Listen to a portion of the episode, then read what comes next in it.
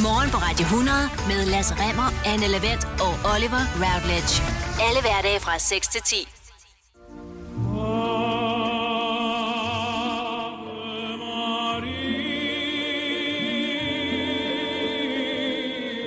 Det har været øh, hårdt for musikere, for kunstnere i løbet af det sidste års tid her i Danmark. Man har ikke kunnet spille de koncerter, man har haft lyst til. Så man har været nødt til at tænke i kreative løsninger. Der er mange, der har benyttet sig af en online-koncert. der er også folk, der har spillet flere koncerter, men for færre mennesker. Eller i baggård. Eller i baggård lige præcis. Ja. Og så er der den øh, britiske cellist, cellist Jacob Shaw. Han bor her i Danmark og driver en celloskole for nogle unge talenter. Mm. Og Jacob Shaw, han har for nyligt øh, været en tur i Japan. Og her der smagte han kobekød. Uh. I ved, det der, øh, de der køer, som bliver masseret, de får øl, og der bliver spillet klassisk musik for dem. Ja, det lyder jo som sådan, jeg håber på, at øh, mine pensionistår bliver. Ja, det lyder Som en japansk kobeko. perfekt. Og der tænkte Jacob Shaw så, da han kom hjem til, til Danmark igen, altså, det kan man da. Jeg vil da godt gøre herhjemme, kan vi ikke det? Jeg er jo leder af en celloskole for nogle unge talenter. De vil gerne ud og spille nogle koncerter. Det er lidt svært for tiden. Vi kan spille for nogle køer måske. Okay. Så Jacob Shaw, han har i øh, løbet af det seneste stykke tid holdt ko-koncerter i, øh, i Lund, i Stævns.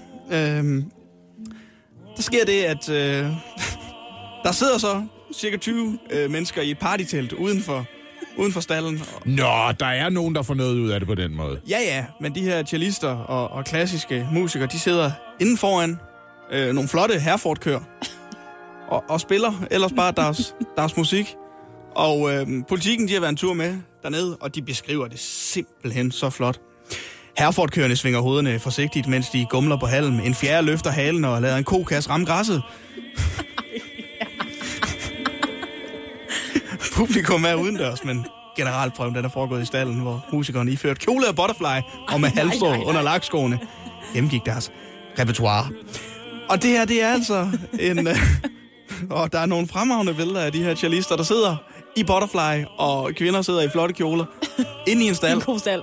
og spiller øh, klassisk musik for de her køer. Men altså for de 20 øh, menneskelige gæster, der sidder i partyteltet også for lidt med, der er det jo nogle nye omgivelser at opleve klassisk musik, i, vil jeg sige. I Ja. Det allerhøjeste grad. sige. Ja. Jeg tror ikke, at, øh, at man tidligere for eksempel har kunnet opleve folk, der er begejstrede for for eksempel Ave Marie og sige, mm, ej, han lugter dejligt af Schubert. Hold nu op. Og der er, mås- der er et videnskabeligt, ret spinkelt øh, grundlag, når det gælder øh, kødkvæg og klassisk musik. Men et studie fra University of Leicester i 2001 viste, at malkekøer de reagerer positivt på afslappende musik ved simpelthen at producere mere mælk. Ja, det er blevet, øh, det er blevet replikeret, det der studie. Er der nogen, der har været Altså, jeg tænker, det er gøre 20 det? år gammelt, det her studie, Ja, det det er er- det seneste, man kan finde på området. Det er bare sådan, nogle gange, når der dukker sådan nogle undersøgelser op, så har de været et sted med 18 køer, der er aldrig blevet gjort igen siden da. Altså, der er nogen, der er nødt til at gøre det med flere køer igen og igen og vise det samme resultat. For ellers så bliver jeg altid lidt skeptisk, når nogen, der siger, der, der er nogen, der, der viser, at hvis man kilder dem på yveret, så kommer der mere mælk ud. Jo. Men Jacob Shaw, han mener, det her det fungerer glimrende. Han siger, køerne de kommer helt op til hegnet, når vi sidder på den anden side og spiller. Det Vi gør har- de også, hvis du bare står der. Vi har fremført, vi har fremført alt fra Shaw.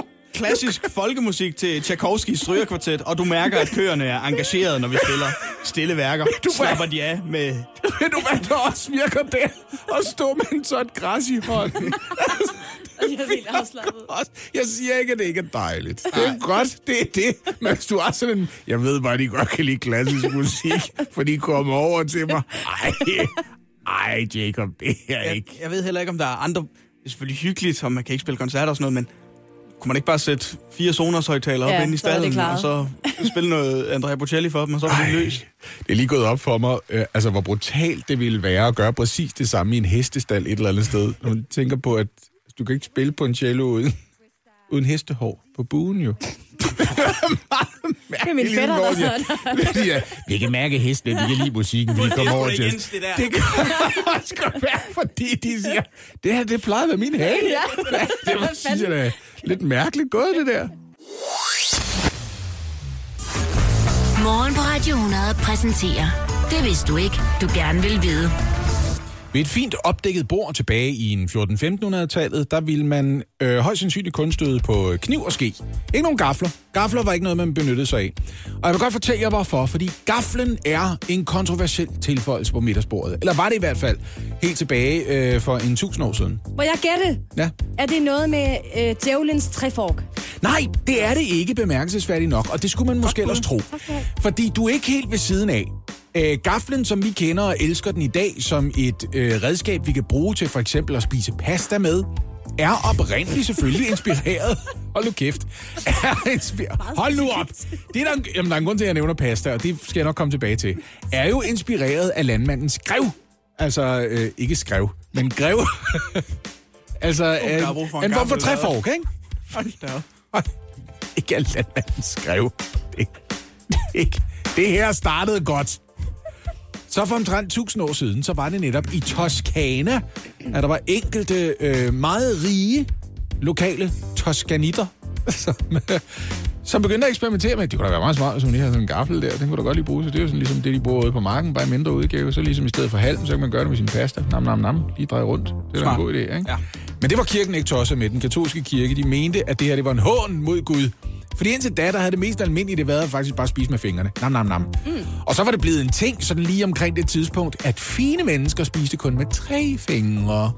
I etikettebøger fra øh, 1500-tallet for eksempel, kunne man stadigvæk finde råd om, hvis du skal spise i fint selskab, spis der kun med tommelfinger, pegefinger og lange fingre. Så man kan se, at du er opdraget blandt finere selskab. Er det fordi, de gør sådan her i Italien? Det ved jeg, det tror jeg ikke, det der, hvor de laver. Hvad ryster en Nej, det tror jeg ikke har noget med det at gøre. Det tror jeg ikke har noget med det at gøre. Prøv at høre, i lang tid, der var gaflen rigtig dyr at lave. Den var kompliceret at lave. Det var nemt at lave en kniv, det var nemt at lave en ske. Det kunne man godt finde ud af. At hamre lidt på noget metal, så havde man bam de to ting. Og det indebar blandt andet, at øh, notabiliteter som øh, kong Edvard den Første, for eksempel, han ejede tusindvis af knive, hundredvis af skeer, men han havde kun syv gafler. Så hvis der kom gæster, så var det sådan lidt, vi må spise i hold. det har ikke noget at gøre. De var til gengæld lavet af sølv og guld og den slags. Øhm, og det blev først muligt at masseproducere det, sådan at det blev et almindeligt folkeligt redskab hen omkring 1700-tallet.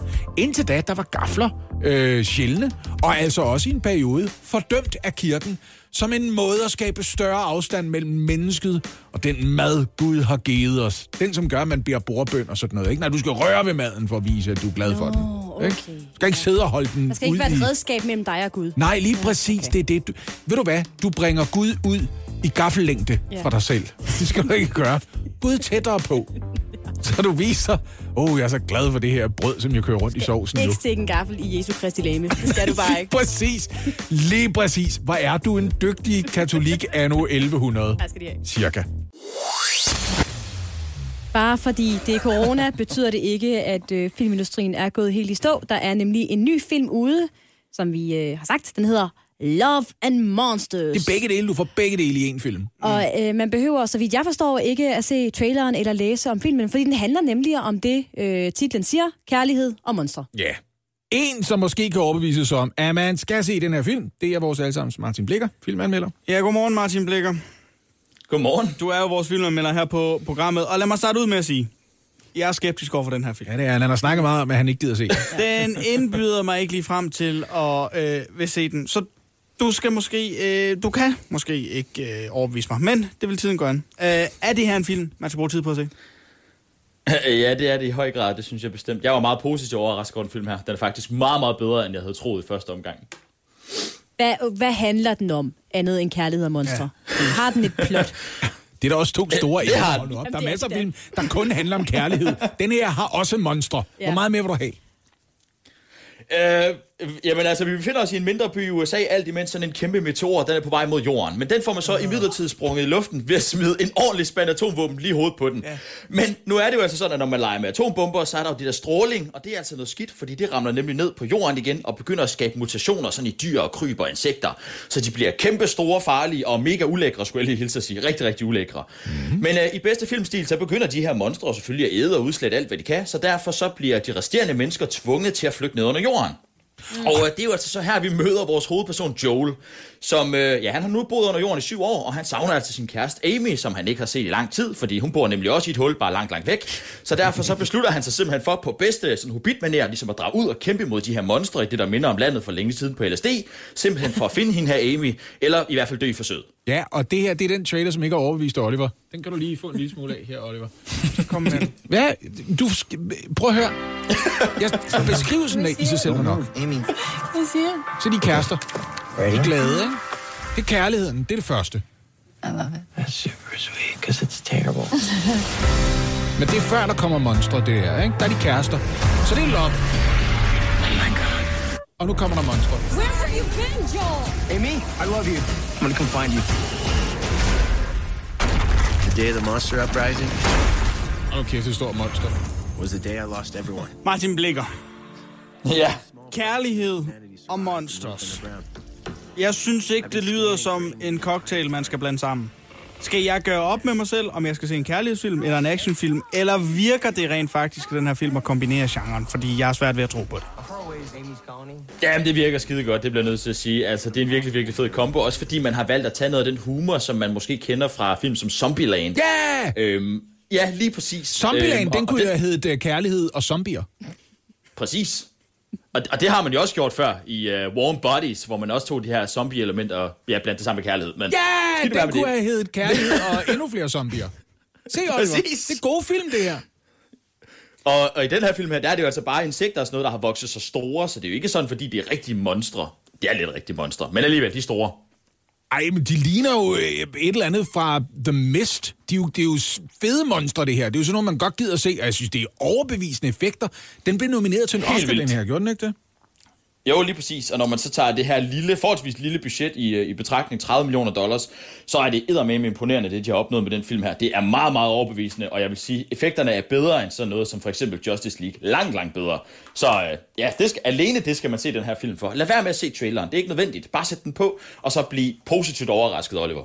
Tjek. Fordi Oliver er skeptisk. Ja. Du er meget mere begejstret, Martin Blikker, så nu er jeg spændt på, hvor mange stjerner du har tænkt dig at give den her Monst- Love and Monsters fra 1 til 6. Jamen altså, jeg blev vanvittigt overrasket over det her guld, der ligesom lå og gemte sig over overfladen. Altså, den er vanvittigt sjov, den er fyldt med action, og den kan sagtens konkurrere med at overgå flere film fra samme genre, uden at den sådan går hen og bliver blodig og voldelig, eller bliver nødt til ligesom at trække på ekstremer, ligesom vi har set fra andre film. Øh, det er en film for ja, de fleste i familien, som alle kan, man kan se den sammen. Og dertil, effekterne er fede, humoren er opløftende, og tempoet, jamen det er balanceret, og det passer sgu egentlig også igen til de fleste. Så jeg var virkelig, virkelig positivt overrasket, så 5 ud af 6 stjerner til den her lille monsterkomedie fra Netflix. Stor fed snude til Oliver, man. Er du overbevist nu? Oliver? I skal da bare, I skal da bare slå jer selv løs med at se den her film. Det skal I bare gøre.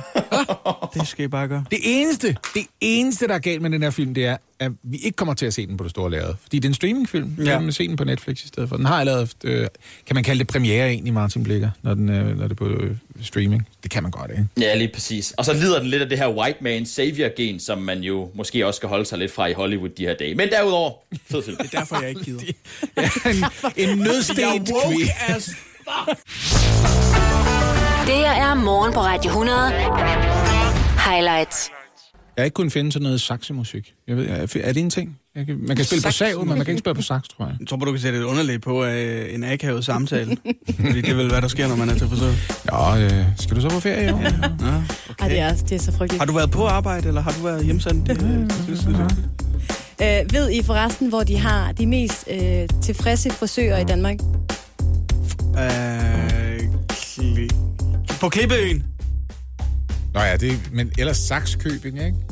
Jeg vil faktisk sige Gladsaxe. Åh, det er Ah, rigtig godt. den fandt jeg faktisk- den fandt det jeg er lige meget på. stærkt, den der. Ja. Det kan jeg godt lide. Men det ligger meget godt i tråd med det, det skal handle om nu, øh, nemlig kreativitet i forhold til frisørnavne. Fordi jeg faldt over en artikel her den anden dag, som jeg simpelthen rigtig godt kunne lide.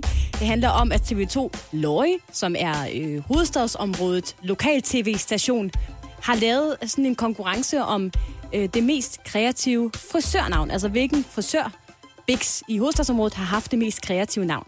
Og det viser sig simpelthen, at frisører er utrolig kreative, når det handler om at navngive deres frisørsalonger. Ja. Jeg har afsløret øh, vinderen, det gjorde jeg lige før. Det var Hollywood. Hollywood. Stærkt. Ja. Yes. Forstår den I er god. Hol- Vi forstår den. Hollywood, okay. Ja, Men det er langt fra den eneste frisør i hovedstadsområdet med et rigtig godt navn. Jeg har fundet...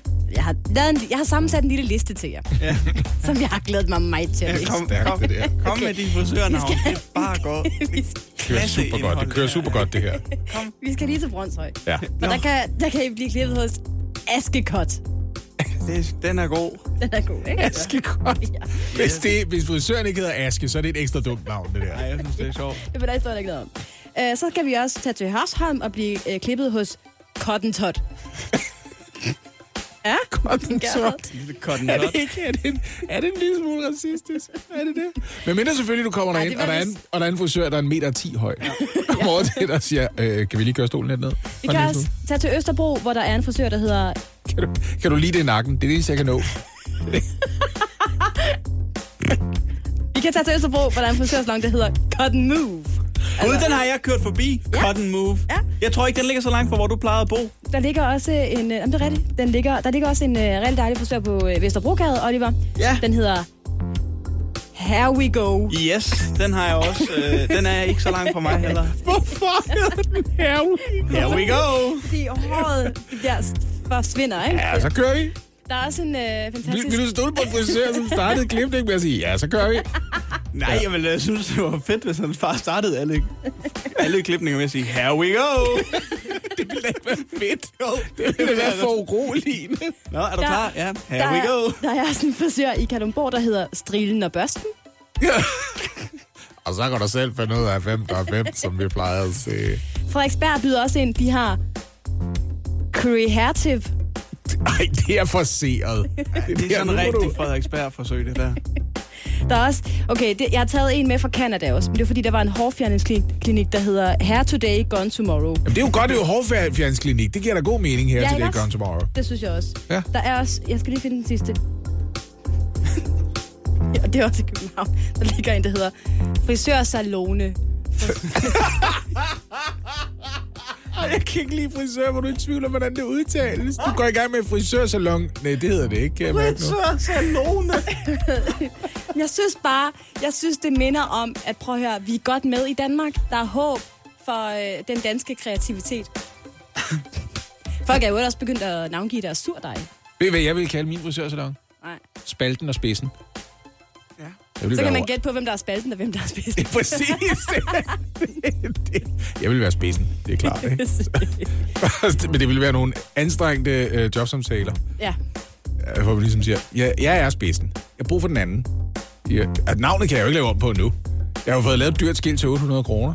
Der er en thai-restaurant ikke så langt fra mig, der hedder Tie Me Up. Det er jo også lidt kinky. Ja, det er nemlig lidt kinky. Hjælp en, du holder af med at tage det første skridt til bedre hørelse. Få et gratis og uforpligtende hørebesøg af Audionovas mobile hørecenter. Så klarer vi det hele ved første besøg, tryk dig nemt i eget hjem. Bestil et gratis hørebesøg på audionova.dk eller ring 70 60 66 66. Vi er på vej fra Lejre på Sjælland til Aarhus. Vi har tanket to gange undervejs. Børnene har tisset tre gange hver. Og nu sidder vi her fast på E45. Skyd genvej med Molslinjen og få et fri kvarter på turen. Book billet fra 249 i vores app eller på molslinjen.dk. Kan vi se en gang? Fordi Jeg føler, jeg til en konfirmation. I er, anledningen nej, men der er to sider. Der, nej. Hvem har, hvem har forsiden, og hvem har bagsiden? Jeg har en side. Du har... Jamen, du har øh, Nå, jeg har begge... Okay, Ja. der er flere ja, det er sider. fordi, Hold da op, den Der er skal være lang, plads til billeder også. som man siger. Hvad med, at vi tager første og sidste vers? Øh, nej, nej, det er altså ikke sådan, man skal... Det gør, at jeg lige tager et lille ophold og drikker en lille slurk kaffe i midten. Oj! Altså, sådan der. Det er fordi, der er simpelthen sket det, at Jens Lundgren, forsker, professor, folkeoplyser, nu har meddelt, at han ikke længere vil øh, være at bruge som ekspert her under coronakrisen. Han træder tilbage nu, fordi han synes ikke, vi står i den krise længere, som vi altså gjorde for et års tid siden. Åh, oh, what, mand? Det er vilde nyheder. Det er i hvert fald vildt ud her, han i hvert fald øh, melder sig ud af debatten. Ikke? Ja. Og jeg vil bare sige, han har virkelig stillet op i tygt og tyndt, og i regnvejr og til news og til os. Han har været alle steder, og jeg Ja. synes, vi skylder øh, ham tusind tak for øh, sin indsats under coronakrisen her. Så derfor har jeg skrevet øh, et lille kvad til ham. Ja, jeg, jeg kan fortælle dig det her. Jeg har læst lidt forud. Ja. Jeg er i tvivl om versefødderne i den første linje. Det er hurtigt. Jeg skal nok, jeg skal nok hjælpe, ja. øh, og, og, øh, og det bliver rigtig godt. Må jeg bare være ham, der ligesom lægger... Øh... Dem i parentes. Ja, Nej. dem i parentes. Nej, vi skal alle sammen synge Den er jeg det nemlig hele. god til. Men hvad så med dem i eller parentes? Der er der omvendt. kun en, der skal sige. Eller Ja, omvendt. Det må, det må Oliver også gerne så. Men, du, men vi, synger også, vi synger også det andet. Må jeg ikke godt tage eller omvendt i vers 2, så kan du tage det i 1 og 3, for jeg synes også godt, jeg kunne også godt lave en god eller omvendt. Jo, okay. Det er fordi melodien er øh, Jamaica Nej. eller Combardo. Ja. ja. Ej, hvordan er Jamaica-sangen blevet til Combardo-sangen? Ja, det ved jeg da godt, men det er da stadigvæk fejt, at der kommer et firma og siger, nu er det vores sang, det der. Som om næste gang nogen siger, Lille Peter Æderkop. Nej, det er DSB nu. Nu synes jeg, vi har snakket nok. Nu synes jeg, vi skal synge. Lille bitte dieseltog kørte ud af sporet. Lasse, er vi klar? Ja. 3, 4. Når, Når du, du skal, skal vide noget om corona. Eller omvendt. Jens, Jens Lundgren, du ringer til. Jeg skulle lige finde et toneleje. Sin viden han deler med alle. Eller omvendt. Men om lidt, der bliver der helt stille. Og Jens Lundgren, Jens Lundgren, Jens Lundgren. Din viden har du delt med os, Jens Lundgren. Er det en forfærdelig sang. Du pakker, vi takker Jens Lundgren. fordi du har oplyst os om corona. Det rimer ikke på Det er noget. dig, der tager parentesen nu. Det er skidt sagt, Der er mere. Hallo. Okay. Når, Når folk stod i kø og blev testet. Eller omvendt. var du Altid positiv. Eller omvendt. Befolkningens sundhed var vigtig. Eller omvendt. Og de her testtal Tal har været dit liv. Og Jens Lundgren, Jens Lundgren, Jens Lundgren. du, sørger for, at vi spritter hænder helt ren. Skrejpakker, vi takker. Jens Lundgren. Fordi du stillede op til alle medier. Så, der er et vers tilbage. Kan ikke mere. Det er kunst, det her, Jeg har brug for, at vi siger ordentligt tak til Jens Lundgren. Ja, godt. Ah, Og der er et vers til. Ja. Undskyld, det, det bliver er det gode rigtig vers nu. Når Det her, det- der blev kaldt til pressemøde, Eller omvendt. Du vidste, hvad du skulle gøre. Eller omvendt. Din telefon ville snart gløde. Din telefon. Eller omvendt. Og Journalister journalister slå slå ind din dør. Alle sammen. Jens Lundgren, Jens Lundgren, Jens Lundgren. Vi ærger os, men stopper nu med at ringe. De andre eksperter siger øvsuk. nu er det hele op til Allan Randrup. Det må jeg bare sige, ja. De andre eksperter siger øvsuk. Ej, jeg kan ikke handle, ven. Du må ikke gøre det her ved mig. Det havde... Jeg synes da bare, det er en, det er en hylde, som vi vil skrive den i Jylland, tænker jeg. Nu Du ved også- jeg, du hvordan også du har det, når du læser lister over sjove frisørnavne. jeg tror altså, du har det, men det er også det der. Jeg vil sige, da du kom ind øh, på redaktionen i morges og sagde, jeg har brugt tre kvarter på at skrive en sang til Jens Lundgren. I hvert fald. Der tænkte jeg, Men det er også fordi, den bliver god. jeg har også øh, øh, jeg har brugt word art. Ja, det kan jeg øhm, se. Til, Og, og der er billeder af og ham der er også. billeder, ja, jeg synes, vi skulle gøre det ordentligt. Der manglede egentlig bare en, en sangskjuler, Ja, men den havde jeg ikke lige tid til. og så nogle 16-årige piger, der kommer ind, mens vi klapper i takt. ja, med sådan nogle øh, hvad hedder det, fyrværkeriting i noget islagkage eller et eller andet. det, skulle, det var det, der manglede. Ja. Ja. Men der var bare flere ting ved den, jeg ikke kunne styre det her. Du vidste, hvad du skulle gøre, eller omvendt. Din telefon ville snart gløde, eller omvendt. jeg forstår ikke. Jens Lundgren, du ringer til. Eller omvendt. Men det var noget, du var altid, du var altid positiv, eller omvendt. så hvad? for- hvad? Jeg synes, Jeg synes, det er det giver meget... fin mening. Morgen på Radio 100. Highlights. Og fornyelsen består i, at jeg synes simpelthen, at vi har fået nok af den ellers fremragende producerede jingle til det indslag, som du kan nyde hver eneste onsdag her, lige lidt efter klokken 7. Ja, den, den lød sådan her, ikke? Meget flot, sådan helt reveilleagtigt, ikke? Så er det blevet tid til onsdags old for Stærk speak. Sådan lød Molfert. Au, det gjorde Nas. Det hele var bare dejligt på ja. rigtig mange måder, ikke? Og så var det, jeg besluttede mig for i sidste uge, vi har simpelthen brug for øh, at øh, måske lige følge lidt med tiden.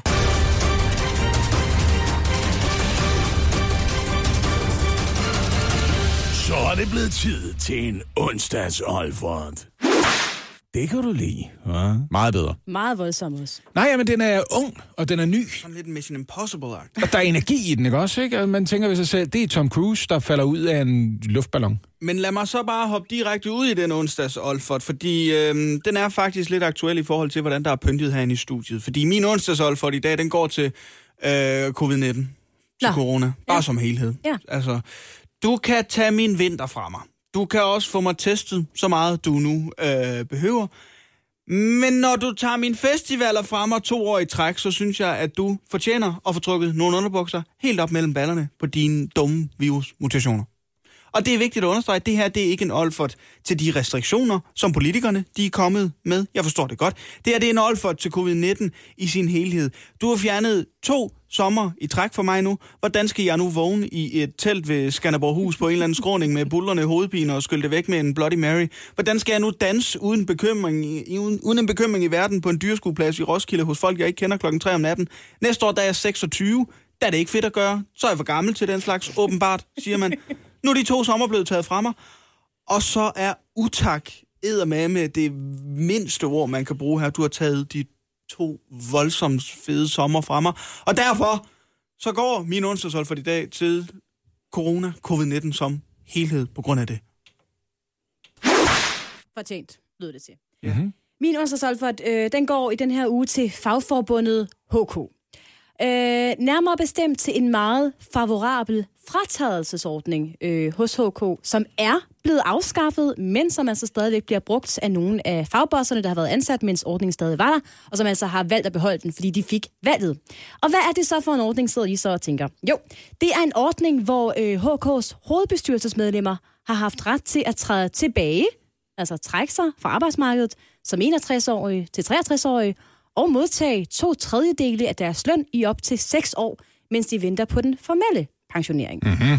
Eksempelvis, det er rigtig flot, HK's øh, fagforbundsmand, han er lige trådt tilbage som øh, 60-årig, og de næste 6 år modtager han altså to tredjedele af sin månedsløn, 88.000 kroner, det vil sige små 60.000 kroner om måneden for at øh, gå derhjemme. Det er HK's egne medlemmer, der betaler, øh, og der er en del af dem, der synes, at den her ordning er alligevel grådig og overdådig, og det synes jeg også, så derfor onsdagsolfert til HK for overhovedet at have haft den her ordning. 27 år, det æder med med lang tid. Og alligevel så annoncerede Bill og Melinda Gates forleden, eller Bill gjorde i hvert fald, at de to havde besluttet sig for på venligste façon overhovedet, at nu ville de gå fra hinanden. Øh, de har jo grundlagt en fond sammen, som skal redde verden fra alle mulige dårligdomme. Ikke? Mm-hmm. Øhm, og jeg er jo ikke gold digger-typen som sådan. Men jeg kan da ikke lade være med at hæfte mig ved, at Melinda Gates, altså efter skilsmissen, sandsynligvis vil være god for lige knap 500 milliarder kroner. Ja. Og der vil jeg da bare lige sige, Melinda, 56-årig frækkert, født i Dallas, Texas tilbage i 1964. Uh, hvad med et stykke ung kød? Kunne du måske lige have timet det sådan sammen med Billy Boy, at de havde fundet ud af det her, før jeg blev fucking gift. Så jeg lige havde en chance for at lægge billet ind. Der er øh, visse dele af en grænvoksen mand, der i hvert fald ikke er hverken micro eller soft, kan jeg godt fortælle dig. Så øh, du lægger dig bare lige vejen forbi, hvis du vil have mig til at overveje den ægteskabelige lykke, jeg præsterer her i Danmark med Linda. Øh, og det var altså Lasse Remmer. Ja, det kan det du lide, hva'? It's only micro when it's soft. Så Jeg ved ikke, om det var en god idé. Jeg siger bare. Jeg siger bare, jeg tror, jeg kan overtales. vi skal ud af det her. Just a gigolo. Everywhere I go. Og så har vi fået selskab. Godmorgen, Jada. Godmorgen. Ej, var det dejligt at se dig. Ja, i lige måde. Du skal vide, jeg har været i panik hele morgenen, fordi da vi begyndte at pynte op med orange herinde, for ligesom at skabe noget orange feeling efter de dårlige nyheder i går. Du skulle ja. have åbnet, også i år, Ja, skulle du have åbnet orange kan I scene. tro? Kan I tro? Både mit held og mit uheld. Altså, når de så gør det her, regner du så med, at presseafdelingen eller bookingafdelingen ringer på et tidspunkt og siger, "Men så skyder vi det et år til, for det skulle også have været sidste år. Jo. Jamen, jeg ved det ikke. Jeg, jeg, jeg ved det ikke. Jeg synes, det ville være fair. Bare ligesom at sige, prøv at høre, raincheck igen. Det kommer vi til at lobby for i hvert fald. Ja, Ja, 100 det er jeg procent. Det er det glad eneste for. rimeligt. Der står der en masse mennesker, der ikke bare havde glædet sig til Roskilde, men også til at åbne den sammen med dig. Altså. Ja. Men sagen er jo også den, at vi har, øh, vi har gjort os lidt umage i Ja. dagens anledning med at få pyntet op, for netop at få den der orange feeling ind i vores Radio 100-studie. Og hvis man skal beskrive det kort, så er her øh, meget orange. ja, Føler du dig lidt hjemme her? jeg er så glad for, at I har gjort det. Altså, det, det varmer mit hjerte helt vildt. Det, det føles så godt. Og det er med de bedste intentionen- intentioner. Jamen, det kan man det er mærke. godt. altså, jeg er i festlig, festligt humør. Det lykkedes. Vi har, øh, vi har lunkende Harbo-pilsner herovre, hvis det er. Det jeg om man, sådan, man har lyst til at starte Jeg sin har også taget at onsdag. spille ølbowling. Vi har ligesom prøvet at få det hele klar. Hvor er det fedt. Var du, øh, var du Roskilde-gænger selv øhm, før 2018, hvor, hvor, hvor du blæste ud over countdown det var jeg. Øhm, jeg startede i 2009 med at være på Roskilde. Ej, men altså, jeg elskede hvert sekund. Ja. På en måde. Hvordan på en Med, måde? med el og det hele. Ja, lige præcis. Ja. L56 og sådan noget. Men øh, ja, og det, det, er bare det, jeg mener oplevelse. med, med på en måde, fordi det er jo også sindssygt. Men, men musikdelen og øh, ej, også campingdelen, på en måde elsker jeg også campingdelen. Bliver det ikke svært ligesom at få det med? Du kan jo ikke rigtig færdig som Emilie nede på campingpladsen længere, Jo. kan du det? Altså, det er jo, det bliver lidt svært, men altså, jeg boede faktisk i 2019, nej, i 2018, da jeg spillede på Countdown-scenen, der boede jeg stadig i camping, og folk var simpelthen så søde. Ja. Og det var festligt, og kom bare ind og fik et spil ølbowling, og vidunderligt. Er du, øh, er du god til at tegne, Jada? Øh, nej. Nej. Det er, Super. Okay. Og det, det, det, det er lidt og, og et, et sidespor. Men det er fordi, øhm, jeg fik også nævnt det kort for dig udenfor, da vi lige og talte. Du er vores første musikalske gæst her på Radio 100 i tre år, har jeg lyst til at sige. Hvilken ære. Og derfor så har vi også lyst til sådan at gøre det til en tradition, fordi fremadrettet skal vi have flere, øh, og ligesom øh, lave en lille collage af de folk, vi har haft inde på besøg. Ja, Og så er der jo også det ved det, at nogle gange så slapper man lidt mere af, hvis man kan sidde og dudle lidt, mens man snakker. sandt. Ja. Så derfor, ved din venstre side, Jada, ligger der, ligger der en blok og en masse øh, farvede tusser. Ja. Yes. Og det vi gerne vil bede dig om, sådan... Øh, en masse whiteboard-tusser, kan jeg se. vi må, Hvis du fortryder et eller andet undervejs, ikke? du, er også, du er den første, der er her, så det er lidt håndholdt. Yes. men, øh, men vi tænker, at du under dit besøg her hos os, måske kan lave et form for tel- selvportræt. Altså, hvordan ja. du ser dig selv. Det må gerne være abstrakt. Det må også gerne ligne. Og så slutte af med at skrive dit navn, fordi så kommer det op på vores, øh, vores væg herovre, som jeg tænker skal være sådan en selvportrætsvæg Ja. med de øh, gæster, som vi er så heldige at få besøg af. Så du er den første, der Strålende gør idé. det. Ja. Jeg ved ikke, om det her det er noget, som hjælper... Øh hjælper det undervejs. Tid at lytte til dig selv i det ved ikke, om det Hvis du tegner dig selv. Vi har tænkt os at nyde det i hvert fald. Okay. Det her, det er den splinter nye single, I'm Back, fra Jada, klokken 2 minutter over halv 9.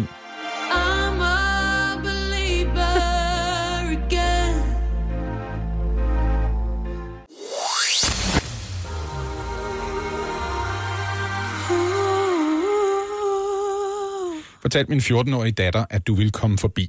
Og så sagde hun, Jada, er det ikke hende der med... Det er hende, hvor hver eneste gang I spiller hende, så siger du, hvor fantastisk hendes stemme er. Og så tænker jeg, jeg er nødt til at finde på noget andet at sige. Det er jeg er nødt til at begynde at sige noget andet i stedet for øhm, nu. Denne her, er der- øh, denne her I'm Back, Ja. øh, er et nummer, du har barslet med i lang tid. Nej. Nej? øh, Godt svar. den, jeg skrev sangen i december. Ja. Mm. Øhm, på 20 minutter.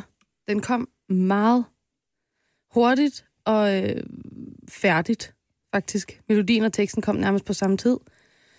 Øhm, ja, så, så den er helt ny og handler st- om følelser, jeg stadig har Mm. som er bare... Altså på en måde øh, at processere det seneste år.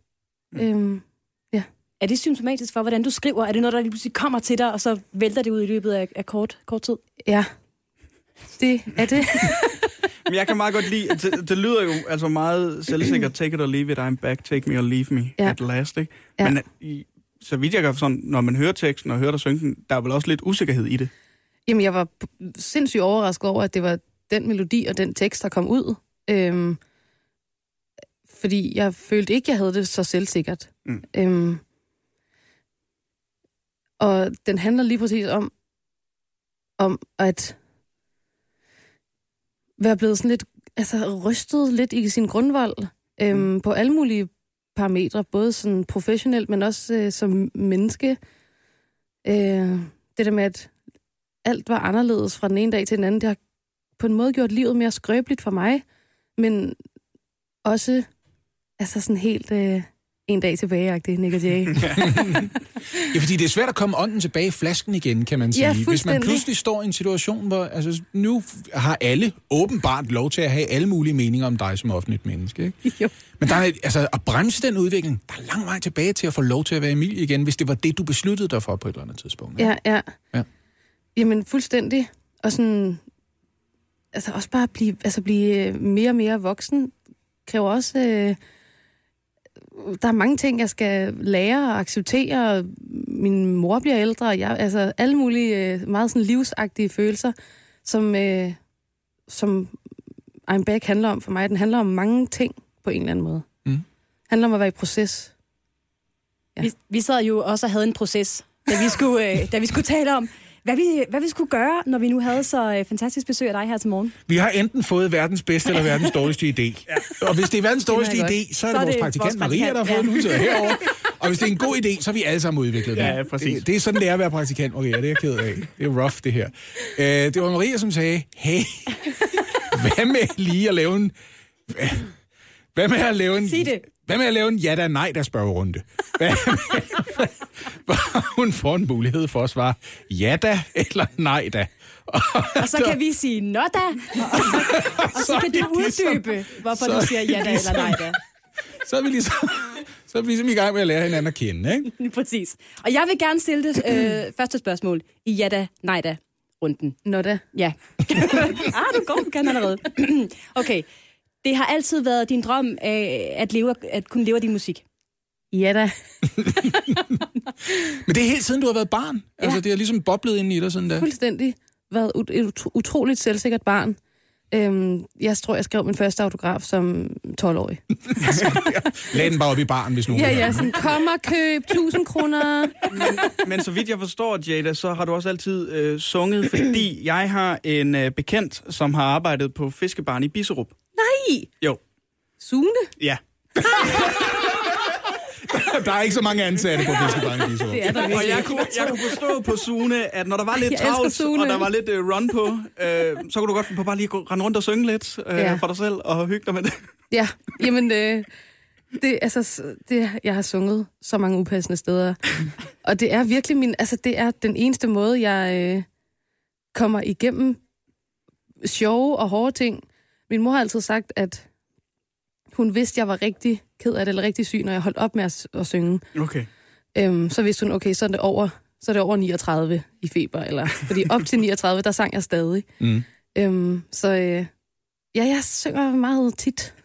Vi har nogle stykker af dem her, så en enkelt til, og så gemmer vi lige resten til efter et stykke musik. Øhm, det her det er jo sådan lakmustesten for, hvornår man er en folkelig kunstner i Danmark. Øh, du ville elske, at en af dine singler blev spillet efter en scoring i boksen i Herning. Ja da eller nej da? Ja, da. 1000 procent. Det ville være fedt, ikke? Altså, det er da drømmen. Der er lige uh, for evigt, der er Sandstorm med The Root, og så er er der god. Jada. Jamen, altså... I'm back. Jamen, please. Jamen, altså... Oh, det er også hårdt at score et mål, og så lige få at vide, oh, okay, det har vi også gået og ventet på, det der faktisk.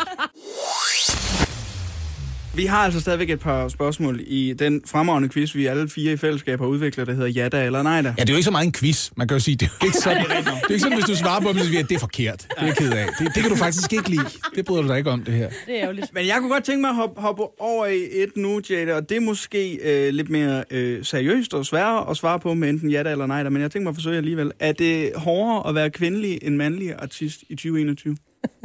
Sjovt bare at sige, ja da, så kægt. Men øh, ja, det ved jeg ikke. Jeg har jo kun prøvet det ene. Mm. Øhm, men altså, ja, det, det føler jeg ikke er så hemmeligt. Det er også det, jeg taler med mine mandlige kollegaer om. Når vi sammenligner øh, oplevelser, Ja. så synes jeg da, at, øh, at det bonger lidt mere ud over hos mig. Øhm, men øh, Altså, taler folk for eksempel om dig på en måde, som du har skulle fordøje? Altså, fordi alle har jo en mening lige pludselig. Det, er Ja. jo, det, er jo, det kan jo sagtens være, at det er sådan, det ved jeg ikke, 99 ud af 100 danskere, som tænker, hold nu kæft, hvor er det fedt, det der. Ja. Og så sidder der en eller anden, der har en dårlig dag, som beslutter sig for, jeg scroller lige forbi noget, og så ser jeg noget med en sang, og så skriver jeg, det jeg kan ikke lide den sang. Ja, ja. Altså, øhm, ja. Altså, øh, det er lige så meget, at øh, det har virket som om, at der har været lidt kortere til øhm, nogle virkelig grimme ord, Ja. ja. når, det, når det drejer sig om mig, end om nogle af mine mandlige kollegaer. Og det er da ubehageligt. Men, som du siger, øh, Lasse, der er så mange flere, der, der har heldigvis enormt kort til virkelig, virkelig søde og opbakkende ord. Både mig og alle mine kollegaer. Jeg tænker også, hvis man er sangskriver, så har man jo ikke lyst til at udvikle hård hud. Altså, du har Nej. ikke lyst til at få hård hud på følelserne, Mm-mm. fordi du skal jo stadigvæk kunne skrive med udgangspunkt i... Fuld, det er en så god pointe, det der, Lasse, at, at øh, jeg prøver virkelig også at holde øje med mig selv, at jeg øhm, ja, bliver ved med at være åben og blød og glad og øh, tillidsfuld. Og så bare måske øhm, altså får en lille smule teflon. Altså det, så jeg ikke behøver at blive hård, men at det bare af sig selv Ja. glider af som Ja, ja, fedt stof Ja. på en pande. Ja. Det, har- det har taget mig nogle år, vil jeg indrømme. Ja. Altså, øh, og, og, og det sker før eller siden, kan man sige. Ja, Ja, det er sådan ja. lidt, nej, ja, ja, det må, ja, det må du ligge og rode med selv. Og så må du høre det, du kan lide, eller kigge på det, du synes om, eller ja. hvad det er. Ikke? Jeg sidder også herovre og bliver inspireret til at stille dig et uh, ja nej spørgsmål. Ja. Noget af det, som Oliver sagde før, om at du har arbejdet på en fiskebar. Ja. Mm. Fiskerestaurant. Nej, fiskebar. Fiskebar. Fiskebar. Ja, Ja. det, det, jeg fik det, sådan som jeg hørte, det, det lød næsten som en grillbar, bare med fisk i stedet for. Jeg har aldrig været der, skal jeg sige. Jeg Det er er et helt sted. vildt lækkert sted, Ja. ja. Viserup. Viserup, lille havnefiskeriby med 200 indbyggere. Og så en, der hedder Ellen, har, altså, som Ellen, Ellen, rigtig kan lave mad, ikke? Ellen. Ja, Jamen, altså, Jamen, hun er så dygtig. Så er Lars Biver kommer med frisk fisk hver morgen, og så laver hun øh, den mest vidunderlige fiskeret. Ja, det vilde ved det. Du har lige nævnt 1% af indbyggerne. Men det leder mig frem til mit ja nej spørgsmål. Ja. Du ved meget om fisk. Hun har gået og sunget. Ja, nej, ja, nej, ja, der må jeg sige nej. Nej. Nej da. Nej, Men det er pinligt. Jeg tror, at Lars Biver vil være skuffet. Ja. Men ved du hvad, sådan er det jo, hvis man sidder ved bordet et sted, hvor nogen for eksempel er serveringspersonale, ja. så kan man jo godt høre det på stemmen og se det på øjnene, når man spørger til for eksempel en anbefaling af vin eller sådan noget, om de rent faktisk bare siger, ja. jeg kan anf- den der. Er der er den god." lille flakken? Ja, det er det. Altså, har du selv smagt den, eller har Ja. du spurgt nogen, eller sådan Ja, noget, eller er det bare, præcis. ja, der er i hvert fald mange, der drikker den her. Det ved jeg da. Den ser flot ud. Et, øh, et afsluttende ja da nej spørgsmål, hvor jeg øh, ved, hvad jeg vil svare i hvert fald, for jeg har en ret klar holdning til det. Bliver du Danmarks nye internationale popdronning? Ja da. Ja da. Yes, præcis. Ja da. Jeg synes, det ville være rart, hvis du også lige ville huske at blive ved med at være Danmarks nationale popdronning. Ja. Fordi det, det er jo så ærgerligt, det der, når man lige pludselig tænker, vi var lige blevet så glade for dig. Ja. Så kan du være sød ikke at slå igennem i alt for mange andre lande og få travlt med det i stedet for. Det her er morgen på Radio 100. Highlights. I kan få en rigtig god dag, I to. Det kan I, kan få en succesdag i dag. Men det kommer an på, hvor meget I strammer jer an. Fordi øh, som altid, så skal man altså virkelig have fået det rigtige ben ud af sengen, øh, for at kunne klare sig i, øh, i mine aktualitetsquizzer. Det er en aktualitetsquiz i dag, ja. Mm-hmm. Det er lige for at finde ud af. Man kan sige, det er min udgave af din øh, fredags citatquiz. På den måde, at den lige tjekker op på, hvad ved I egentlig om store og små historier, som, som præger nyhedsbilledet i Okay, Nå, det er spændende. spændende, ja. Yes, i dag, for eksempel, øh, der, går, øh, der går man til valg i Skotland. Vidste I det? Det er valgdag i Skotland. Ja, Yes, det vidste vi godt. der er valg til Skotlands parlament. Det, Det, det det vidste vi godt, ja. okay, men det er et vigtigt valg, Oliver, kan jeg så fortælle Det dig. handler om løsrivelse. Ja, eller fordi eventuel løsrivelse. Prøv at, i forbindelse med Brexit-afstemningen, der var der jo ikke flertal for Brexit i lige præcis Skotland. Nej, det var det der. var der jo stor debat om, ikke? Mhm, Ja. Øh, de taler ovenikøbet om, skal vi løsrive os fra Storbritannien og gøre det til Mellembritannien, for eksempel? Det kunne være øh, en idé. Og det kan jo tænkes, at dagens valg vil afspejle den generelle indstilling, at det var meget fedt at være medlem af EU, og det er måske noget, man gerne vil igen, og måske endda løsrive sig fra Storbritannien for at få lov til at gøre det. Hvem ved? Du er sådan lidt tvivlende, kan jeg mærke. fordi- Journalistisk tvivlende. Ja, det, fordi, jeg har set en del øh, reportager fra Skotland faktisk, og det virker som om, at det ikke er alle, der er interesseret i egentlig at komme tilbage, fordi de siger, at skaden er ligesom sket. Ja, ja. Jeg tror, at holdningen er lidt splittet. Jamen, spørgsmålet er så selvfølgelig, hvor mange pladser er der egentlig i Skotlands parlament? Altså, hvor, hvor mange kan håbe på en fremtidig karriere som parlamentariker ja. i, øh, i Skotland? Er det A? Er der plads til 12 samoanere? Det vil være sjovt. Der er ingen af jer, der tager noter. Det er også okay. Er der plads til B, 129 skotter? Eller er der plads til C, 60 milliarder skibonitter? Skibonitter, det er jo folk, der bor i Skive. Jeg skulle være i tvivl. Ja. Og den, den vil jeg gerne starte med at udelukke, faktisk. Hvorfor? Øh, ser. Men jeg synes, det virker af mange. 60 milliarder. Skibonitter? Så tror jeg, det, så tror jeg, det et øh, parlament, tror jeg simpelthen ikke, de har. Øh, Gad godt se Mads Langer i parlamentet i Skotland til gengæld. Det ville være noget af en spørgerunde, ikke? Ja, det... Jeg siger B. Jamen, det, jeg tæller faktisk også til B. Lad os sige B. 129 skotter? Ja. ja. Det er rigtigt! Tillykke med det. Øh, DR's pigekor er kommet under en smule pres. Der er et par tidligere medlemmer, som stillede sig op og sagt, jeg havde faktisk en rigtig dårlig oplevelse med at være i DR's pigekor. Øh, nu har DR pusset en advokat og en advokatundersøgelse på pigekoret. De påpeger, at de vidnesbyrd, de har hørt, de ligger nogle år tilbage, men stadigvæk vil de gerne være sikre på, at man trygt kan medvirke i smuk harmonisk sang, også under DR's flag. Spørgsmålet er bare, hvor mange medlemmer er der egentlig i DR's pigekor? Er der A, cirka 12 hottentotter? Er der B, cirka 60 piger og kvinder mellem 15 og 22? Eller er der C, 60 milliarder mongoler? Jeg, jeg snakker om, om dem under Genghis Khan, mongoler. Okay. Nu skal du ikke grine. De der frådende, vilde soldater, der kom ridende på hesterykker og gjorde kineserne bange, ikke? Yes. Ja.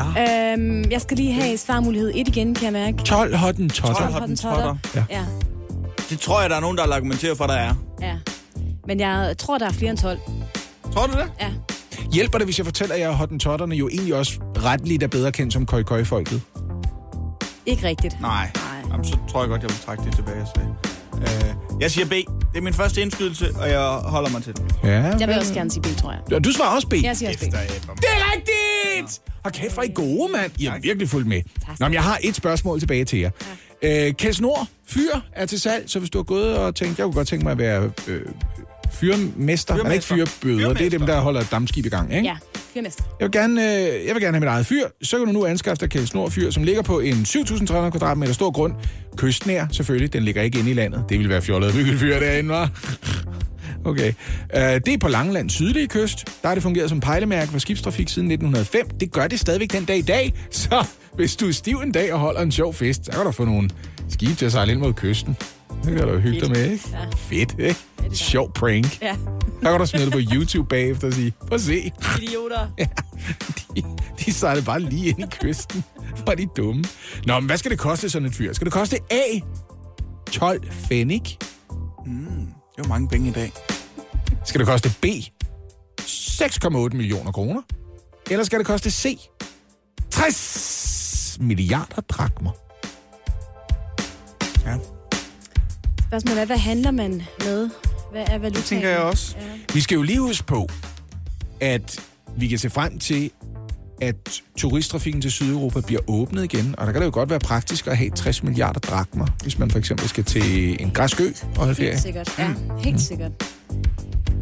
Øh, den er øh, svær, men... Det kan være, at ejeren af Kjeld Snor Fyr nu håber på at bruge pengene på at købe et feriehus på Santorini ved siden Det kan af være, ejeren er græker. Det kan... Godt sagt! Godt sagt! Ja. Men jeg siger alligevel, øh, jeg tror alligevel ned på Langeland, at det er en dansker, der ejer det.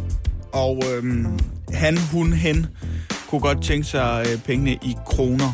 Og med det sagt, så kommer jeg til at sige B. Okay, ja. Jamen, jeg siger også B. Ja, B. Og det er jeres endelige svar. Ja. Det er rigtigt! Hold kæft, det er tre ud af tre. Jeg fatter ikke, hvordan I gør det, men altså, I er jo knivskarpe, og I har bevist, at I følger med i aktuelle begivenheder. Hjælp en, du holder af med at tage det første skridt til bedre hørelse.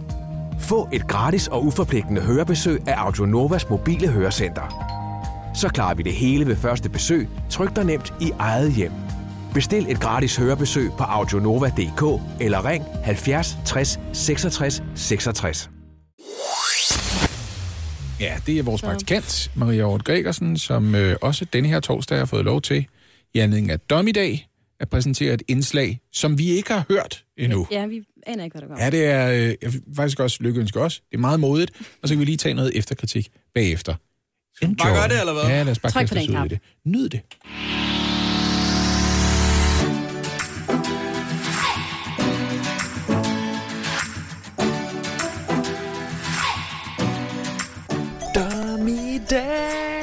Dommedag.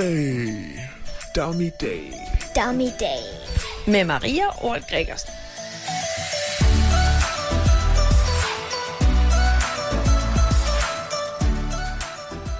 Jeg ved godt, at øh, fitnesscenterne de åbner i dag, men der er jo ikke noget så herligt som en løbetur i den danske natur, hvor du får frisk luft, fuglefløjt og alverdens dyr, de hopper bare rundt omkring dig. Så øh, derfor, der synes jeg altså, at vi i dag skal sammen ud på en lille løbetur. Øh, så du kan allerede nu, kære lytter, begynde at finde dit allerbedste løbetøj og din hurtigste løbesko frem. Så kan vi øh, sammen gøre os klar til den her løbetur. Det bliver altså super godt. Det kan jeg godt love jer for. Fitnesscenter, pak sammen. Vi skal ud og løbe. Det, som jeg plejer at løbe med, det er et par lange tights her i foråret, og øh, ja, de skal helst ikke være for tykke. Og så har jeg en dry fit t-shirt på, og et godt råd, jeg også lige vil give med til dig derude, det er, hvis du døjer med skinnebensbetændelse. Ja, så brug lige kompressionssokker, og selvfølgelig, hvis øh, brysterne de hopper lige rigeligt derude, en god støttende sports BH, det er altså også bare vejen frem til en super duper løbetur.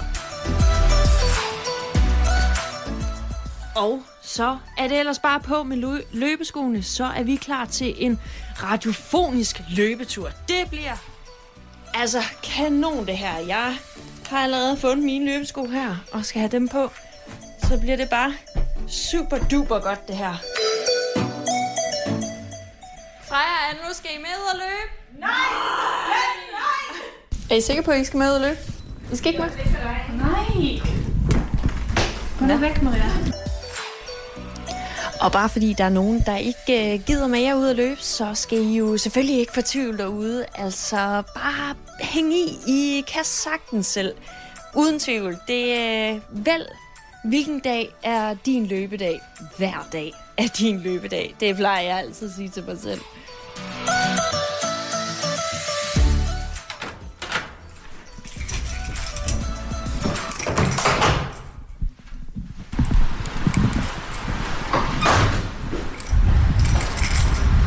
Okay, hold kæft. Det er noget lortevejr.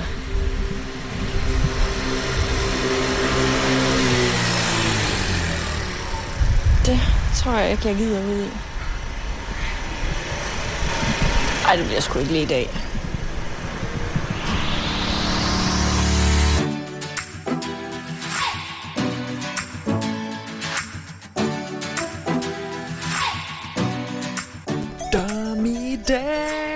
Dommedag. Dommedag.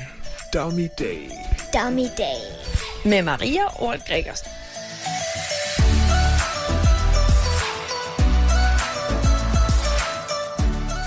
Uha. Hold kæft, det var godt. Wow. Altså, jeg vil sige, det var ikke et sekund for langt, det her. Det var... Nej, det var det. Det var, det var en del sekunder for langt. Det var måske et minut for langt. Ja. I sidder i rum med et talent her. Ja. Um, Vi sidder i et rum med en person, som jeg har en masse spørgsmål til, i hvert fald. Øh, men det, man gør i Radio, Maria, det, og det kan vi lige lære dig sådan lidt, man spiller noget musik indimellem, for ja. at få noget flow, simpelthen. Ja. Øh, så vi kan lige tage et stykke musik. Vores praktikant Maria Ort Gregersen har for anden gang præsenteret et indslag under fællesoverskriften Dommedag. Fordi torsdag er blevet dommedag den dag, øh, hvor Maria får muligheden for at prøve kræfter Jeg med ved ikke, om det er som sådan er blevet. Nu skal I bare sætte jer ned over jeres begejstring herover. Og hvor godt det var. Den her gang, der handler det jo om, hvor øh, dejligt det er at dyrke motion. Man kan gøre det sammen med andre, hvis man kan finde nogen, der vil, eller man kan gøre det selv. Løbe en tur, man behøver ikke et fitnesscenter. Mm. Bare på med skoene, et par tights, kompressionssokker, kan jeg forstå. Ja, Og så er godt. hver dag løbedag. Jeg er jo en voksen mand, jeg har døjet med skinnebindsbetændelse. Det er altså noget, man får af at løbe hver dag, når man er i min alder, Maria. Det bare lige sige. Der er ikke nogen sokker, der kan hjælpe. Så har du ikke løbet med kompressionssokker. Hvor skal vi begynde her? Indslaget er 3,5 minut langt. Et minut udgøres også denne her gang Ja. af en jingle, vi hører to gange. Super længe. Ja, den er 30 sekunder lang. Indslagets længde er, er, er rigtig fint, Maria. Det vil, Ja. jeg, det vil jeg godt starte med at sige. 3,5 minutter er rimeligt. Jeg synes, der er nogle ting i den måde, du øh, fortæller om det hele på, der, er der godt super kan... godt. Der, ja, Jeg kan godt sætte lidt spørgsmålstegn ved det i hvert fald, synes jeg. Jeg skal, jeg skal bare lige sådan... Var din tanke at lave et helt indslag om, hvordan du forbereder dig på at tage ud og løbe, og dernæst så tage ud og løbe? Jamen, jeg troede så ikke lige det sidste kom med. Nå. Men det, det gjorde det så. Der var også sådan 20 sekunder, hvor det eneste, man hørte, det var bare en knaller, der kørte forbi. Ja. Altså, jeg synes jo godt, at man kan skabe billeder i folks hoveder, når man for eksempel låser sig ud af en dør og afslører på den måde, jeg bevæger mig fra øh, trygge hjemlige omgivelser og fire vægge omkring mig, og så ud i det fri. Fordi vi er jo blevet stillet i udsigt, at du skal ud og løbe et sted, hvor alverdens dyr hopper omkring dig. Ja, det var, det var meningen. Altså alle de der dyr, vi kender. Ja. Skildpadder Radiofonisk og de andre løbetur. hoppedyr, ikke? Ja, lige præcis. Ikke? Ja. Øhm, så det kunne jeg egentlig meget godt lide. Jeg vil så til gengæld sige, at det er ikke alt, som skaber billeder i ens hoved. Altså man kan godt for eksempel tage sko på, uden at dokumentere det. af- Altså man kan godt sige, jeg har allerede sko på, for eksempel. Snart at sige, jeg skal lige have mine sko på. Og så bruge lytternes tid på at tage sko på. Ja. Eller det lyder som en, der står og stamper ned i jorden. Hvad synes øh, programmet journalist til det her indslag egentlig? Jamen, øh, øh, øh, hvis vi skal lave den gode sandwich, øh, jeg kan godt lide den der øh, lidt lystige øh, melodi, der ligger under. Den, den synes jeg faktisk er meget dejlig. Der er en, øh, en stor livsglæde og positivitet øh, og spore, også i underlægningsmusikken, ja. Ja, til gengæld så vil jeg sige det her. Du bygger en præmis op, som du simpelthen punkterer. Men det forstår jeg så også er en fejl. Altså, fordi præmissen er, at hver dag er løbedag, og dyr hopper omkring mig, og vi skal alle sammen have tights på og ud, og så er det... Så Og man kan løbe sammen med nogen, hvis, Ja, ja, og- hvis man bor sammen med nogen, der gider løbe med en. Ja, fordi det får, får vi så også at vide, at det, det gider de faktisk ikke. Nej, gå væk, Maria. Ja, der Og så er det jo lige før, det derefter bliver til en endnu bedre idé at løbe alene. Ja, det er meget belejligt. Ja. Ja. Hvad synes du selv, Maria, var det her? Jeg synes, at det her, det er nok altså i toppen af en dommedag. Det Ja. bliver svært at slå det her. Hold da op, jeg skal på arbejde Så det vil sige, til på torsdag. når vi, Wow. når vi hver dag skal klippe det bedste ud fra programmet, som bliver samlet i en Så er podcast, det dommedag. så vil du mene, at den her er, er en af Yes. de to-tre ting, der var bedst fra i dag? Yes. Ja. Super. Nu kommer der bare lyttere til. Var det dejligt. Men jeg vil også sige det her, Maria, hvis du øh, allerede nu tænker, det her det er stort set så godt, som det kan blive, så jeg er nødt til at gøre det endnu bedre næste gang. Det, jeg, det synes jeg er en god idé. At gøre det, altså... Det gør det bedre, ja. Bedre. Ja, i hvert fald Ja, bedre. ja, Det, sy- det, øh, det kan man godt arbejde med, det vil jeg sige. Morgen på Radio 100. Highlights. Jeg kom i tanke om, hvad der var, jeg gerne ville bruge som min knaplyd, så øh, du ved, hvornår jeg gerne vil svare. Og ikke kan svaret, eller... Ja, der er faktisk ikke den store sandsynlighed for, at du kommer til at høre den, så øh, nu skal du, nu skal du spidse øre. Ja. Det er den eneste chance nærmest, ikke? Jeg, jeg har valgt det her citat for Oliver. Jeg gider ikke snakke om den menstruationshandske. Ja. Det, så når jeg gerne vil svare, så, så siger jeg... Jeg gider ikke snakke om den menstruationshandske. Ja, og hvad med din bosserlyd, Oliver? Hvad du vil? Jeg har støvet en gammel klassiker frem fra øh, programmet, et klip, som jeg elsker. Øh, vi er på Bornholm, det er Pernille, hun er glaspuster. Jamen, øh, min umiddelbare reaktion, det er jo wow. Yes. Nu var jeg glad. Det er faktisk et helt gammelt klip efterhånden. Ja. Men det er godt, så er I klar til at øh, bosse jer ind, fordi vi skal have fat i ugens citatquiz. Og det er jo her, hvor vi lige samler op på de historier, vi har talt om i løbet af ugen. Og det gør vi ved hjælp af et citat. Så bosser I jer ind, og så er det altså op til jer at fortælle mig, hvem der har sagt eller skrevet citatet, og i hvilken forbindelse det er sagt eller skrevet, altså hvilken nyhedshistorie det knytter sig til. Kan jeg vide, om en af historierne er den historie, som fik Oliver til at sige... Jeg gider ikke snakke om den menstruationshandske. Det vil være ironisk, jo. Ja, det Åh vil ja, faktisk det være godt. Det Vi må, lige, Det vi, det må, godt vi må se på det, ja. fordi første citat kommer i hvert fald her. nu er der ro på, og derfor tid til at move on. Nu er der ro på. Nu er der ro på, Ejs og kommer derfor med tid fede til sko at på. move on. Hey. Ro på. Det er ikke en sang, kan jeg fortælle. Kan vi få et lille hint? Ja.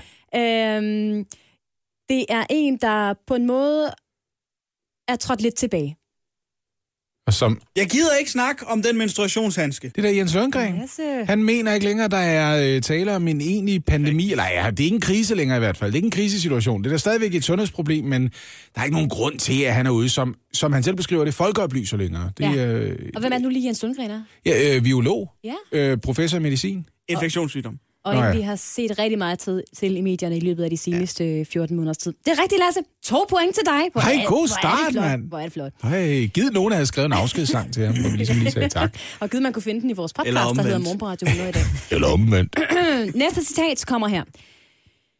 Nu siler regnen ned uden for mit vindue, og jeg er trist til mode, men vi vender stærkt tilbage.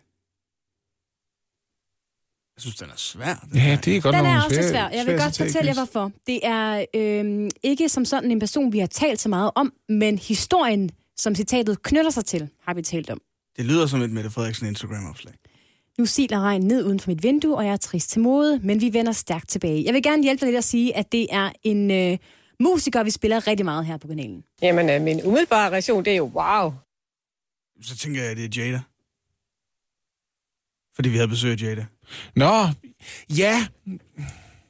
Hvad? Okay, venner, der, der, er- der er en, der er ked af det, fordi det bliver ikke til noget med festivalerne. Så jamen, den tror jeg også godt, det kunne være så. Ja. Så tror jeg, det er Jada, og det handler om, at festivalen bliver aflyst. Jeg vil sige, du får et point, Oliver. Det er faktisk ikke Jada, det er derimod Thomas Helmi. Nå! Så er rigtig træt af, at netop festivalerne bliver Nå, aflyst, som var det, der skete den her uge. Ikke? Ja, okay. Ellers rigtig flot. Tredje citat kommer her. det handler om retten til at gøre det, uden at skamme sig over det, eller være bange for, om man lugter. Jamen, Jeg gider øh, ikke snakke om den er menstruationshandske. det er faktisk Lasse, der der var Det er jo det er menstruationshandsken, og det der, det er øh, forkvinden for Dansk Kvinderåd, hvis navn jeg ikke husker. Men jeg ved, hun er Kan forkvinde. jeg få point, hvis jeg kan huske navnet? Kan du huske navnet? Åh, oh, hun... Kan jeg få point, hvis jeg kan huske navnet? Nej, det kan du ikke. Nå. Så sig navnet. Kan, ja. ja. Na- Nana Højlund. Ja, det lyder rigtigt. Ja, hun hedder Nana Højlund. Hun Ja. er forkvinde for Kvinderådet i Danmark, og hun talte selvfølgelig om menstruationshandsken, Mm, også ja. kaldet Pinky Glove. Den står 4-1 i uh, ugens citatquiz, og jeg må lige uh, dobbelttjekke. Jo, det er min sanden Lasse Remmer, der Ja, fører men quizzen prøv at her. høre. Lasse, det er han jo siger fuldstændig altid, banebrydende. "Øh, det er den quiz, jeg altid taber i, og så bliver jeg ydmygt. Og jeg kan ikke huske sidste gang, Lasse han er blevet ydmygt i den her quiz. Han er bare i gang Han blev med ydmygt. at unjinxe sig selv hver evig eneste fredag. Og det er fair nok. Det er som at se mig før alle eksamener i gymnasiet. Sådan, Ej, jeg ved bare, jeg dumper. Nej, jeg fik 10. Ja, så. Ej, jeg fatter ikke, hvad man kan få syg i det her. Alle dage været en syvtalspige. Ja, det er rigtigt nok. Der er to citater tilbage, det vil sige, der stadigvæk er fire point på spil. Og jeg det første citat kommer her. Det kan du nemlig. Jeg kan nå for syv. er I klar med at spørge sig lidt? Ja, tak. Det er rigtigt, at vi socialdemokrater betragtede det som en lige lovligt detaljeorienteret ting at lovgive om. Jamen, øh, min umiddelbare reaktion, det er jo wow. Jeg ved det ikke. Jeg skulle bare, jeg skulle bare være med. Oliver, jeg var ja. nødt til at give det en chance. Hvad kan det her handle Altså, om? Jeg var nødt til ligesom at, at byde ind. Og, øhm, Det er rigtigt, handler jo at om, vi socialdemokrater betragtede det som en lige lovlig detaljeorienteret ting at lovgive om. Og det er jo, det er jo 100%, det er jo en fra Socialdemokratiet. Men jeg der, ved det godt nu. Der har været ude og, og, og sige det. Jeg ved det. Og, Ja. øh, og det handler om 30 minutters reglen. Nej, det gør jeg ikke. Det tror jeg. Nej. Er det dit bud, Oliver? Ja. Han tager fejl. Og det er Jesper Petersen, der har sagt Og det er Mathias Tesfaye, der har sagt forkert. om håndtryk i forbindelse med, at man skulle have dansk indfødsret. Og det plejede de at synes var en åndssvag regel. Men Mathias Tesfaye har ombestemt sig og beslutter sig nu for, at det skal være borgmesteren, der giver en hånden. Er det rigtigt, Anne? det er fuldstændig rigtigt. Men du får ingen point. Men det ved jeg du- godt. point? Jeg får ikke nogen Nej, point for det gør det. du Det ikke. ved jeg godt. Jeg skulle bare lige være en duks, jo. ja, og det var dejligt. Det er fuldstændig rigtigt. Det er nemlig vores Hey, det udlændinge og for mig, mand. integrationsminister Mathias Tesfaye om regeringens kovending og stramning af håndtrykskravet for at få statsborgerskab. Jeg var også oppe i hovedet forbi det der vanvidskørsel og sådan noget, så tænker jeg, det synes de heller ikke er detaljeorienteret. Så nej, jeg ved sgu ikke. Kan vi bare få det Det sidste citat kommer her. Det lyder. Vi undrede os først ikke over, at der sad en dame. Hun kunne jo være med hvem som helst. Det forstår jeg ikke. Vi undrede os først ikke over, at der sad en dame. Hun kunne jo være med hvem som helst. Hvem er... Jeg vil gerne give jer øh, et lille hint. Det handler om øh, sommerhusudlejning. Jamen, øh, min umiddelbare reaktion, det er jo wow. Det er den historie, Anne hun er med om glemte ting i sommerhuset. Og det var svigermoren, der blev glemt. Det er rigtigt. Hun sommerhus. sad på en bænk uden for sommerhuset og ventede på, at de i kom tilbage, hendes familie. øh, to timer. Og så var der nogle rengøringspersonale, der fandt Ja. det, og det er en eller anden centerchef for den chef. Men han havde et ret specielt navn. Nå ja, han hed Palle Pallesen. Det er rigtigt! Ja. Det Ej, hvor er det stærkt, Oliver. Korrekt. Ej, hvor er du god! Det er nemlig Palle Pallesen fra øh, Danscenter Sommerhus ej, udlejning, der øh, øh, talte med BT om glemte ting og sager, og øh, åbenbart også en glemt svigermor. Det var i hvert fald det mærkeligste, jeg havde oplevet, at der var en familie, der havde glemt. Det her er morgen på Radio 100. Highlights. Der er en kamp om vores opmærksomhed overalt. Ikke bare, bare altså fra klassiske mediers side, sådan som radio for eksempel, som som aviser og magasin og så videre, og også nyere medier, sociale medier og så videre, råber og får ting til at blinke og så videre. Hvad gør man egentlig for at fastholde vores opmærksomhed? Også om de ting, som er vigtige, som vi burde engagere os i. For eksempel udenrigspolitik. Hvad skal der til efterhånden, for vi tager den slags alvorligt, og ikke bare vælger det, der ligesom stryger os med hårene og gør alting enkelt? Man laver et udenrigsmagasin, der hedder Hvad i alverden? Nå ja, det gør man selvfølgelig. Det er en mulighed, men der er også en anden måde at få de vigtige nyheder til at glide ned. Åh oh, ja. Som man siger. Man kan gøre det lidt øh, frækt. For Skotland har været til valg i går. Hvad er de har? Skotland. Hvor mænd går i kilt. Og så er det åbenbart frægt, når en mand færdes offentligt uden undertøj. Og ikke bare tegn på, at man er en single fyr, der igen har glemt at kogevaske. Skotland, landet, hvis befolkning er nogle dirty mofos. Hvor vi er det fra? Ah, vi kender dem bedst fra På loftet sidder nissen. Rundt omkring står alle de små rotter, og de skotter. Ja, de ved, hvad de hører til. Helt ned i rendestenen. Og de brugte altså torsdagen på at finde ud af, hvem vil jeg gerne have skal bestemme over mig de næste par år.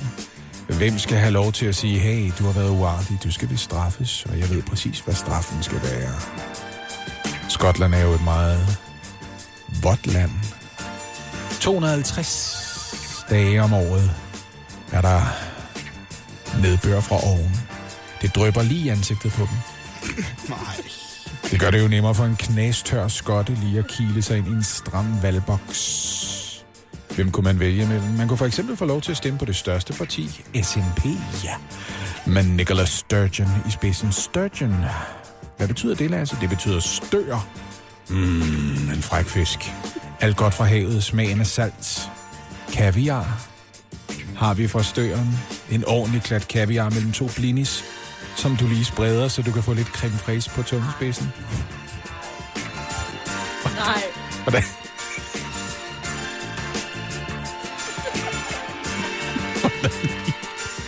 Hvordan? Ja, det var lidt overgrænset. Det kan det nok. Hvordan gik så det der skotske valg? Hvordan gik det? Det går som en uh, hver god torsdag går. Der er ikke nogen, der ved, hvad der er sket.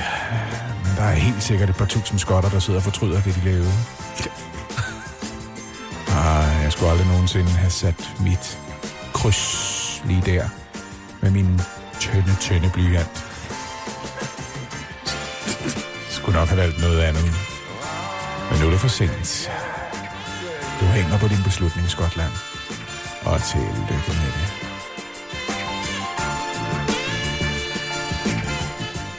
Ja, det var lidt overstregende i dag, det vil jeg gerne indrømme. Det ved jeg. Men det er jo, øh, så kan de lade være med at have en politiker, der hedder Nicholas Sturgeon. Det er da ikke min skyld. Det er da bare selv skyld. Jeg synes, det var perfekt. Morgen på Radio 100 med Lasse Remmer, Anne Lavendt og Oliver Routledge. Alle hverdage fra 6 til 10.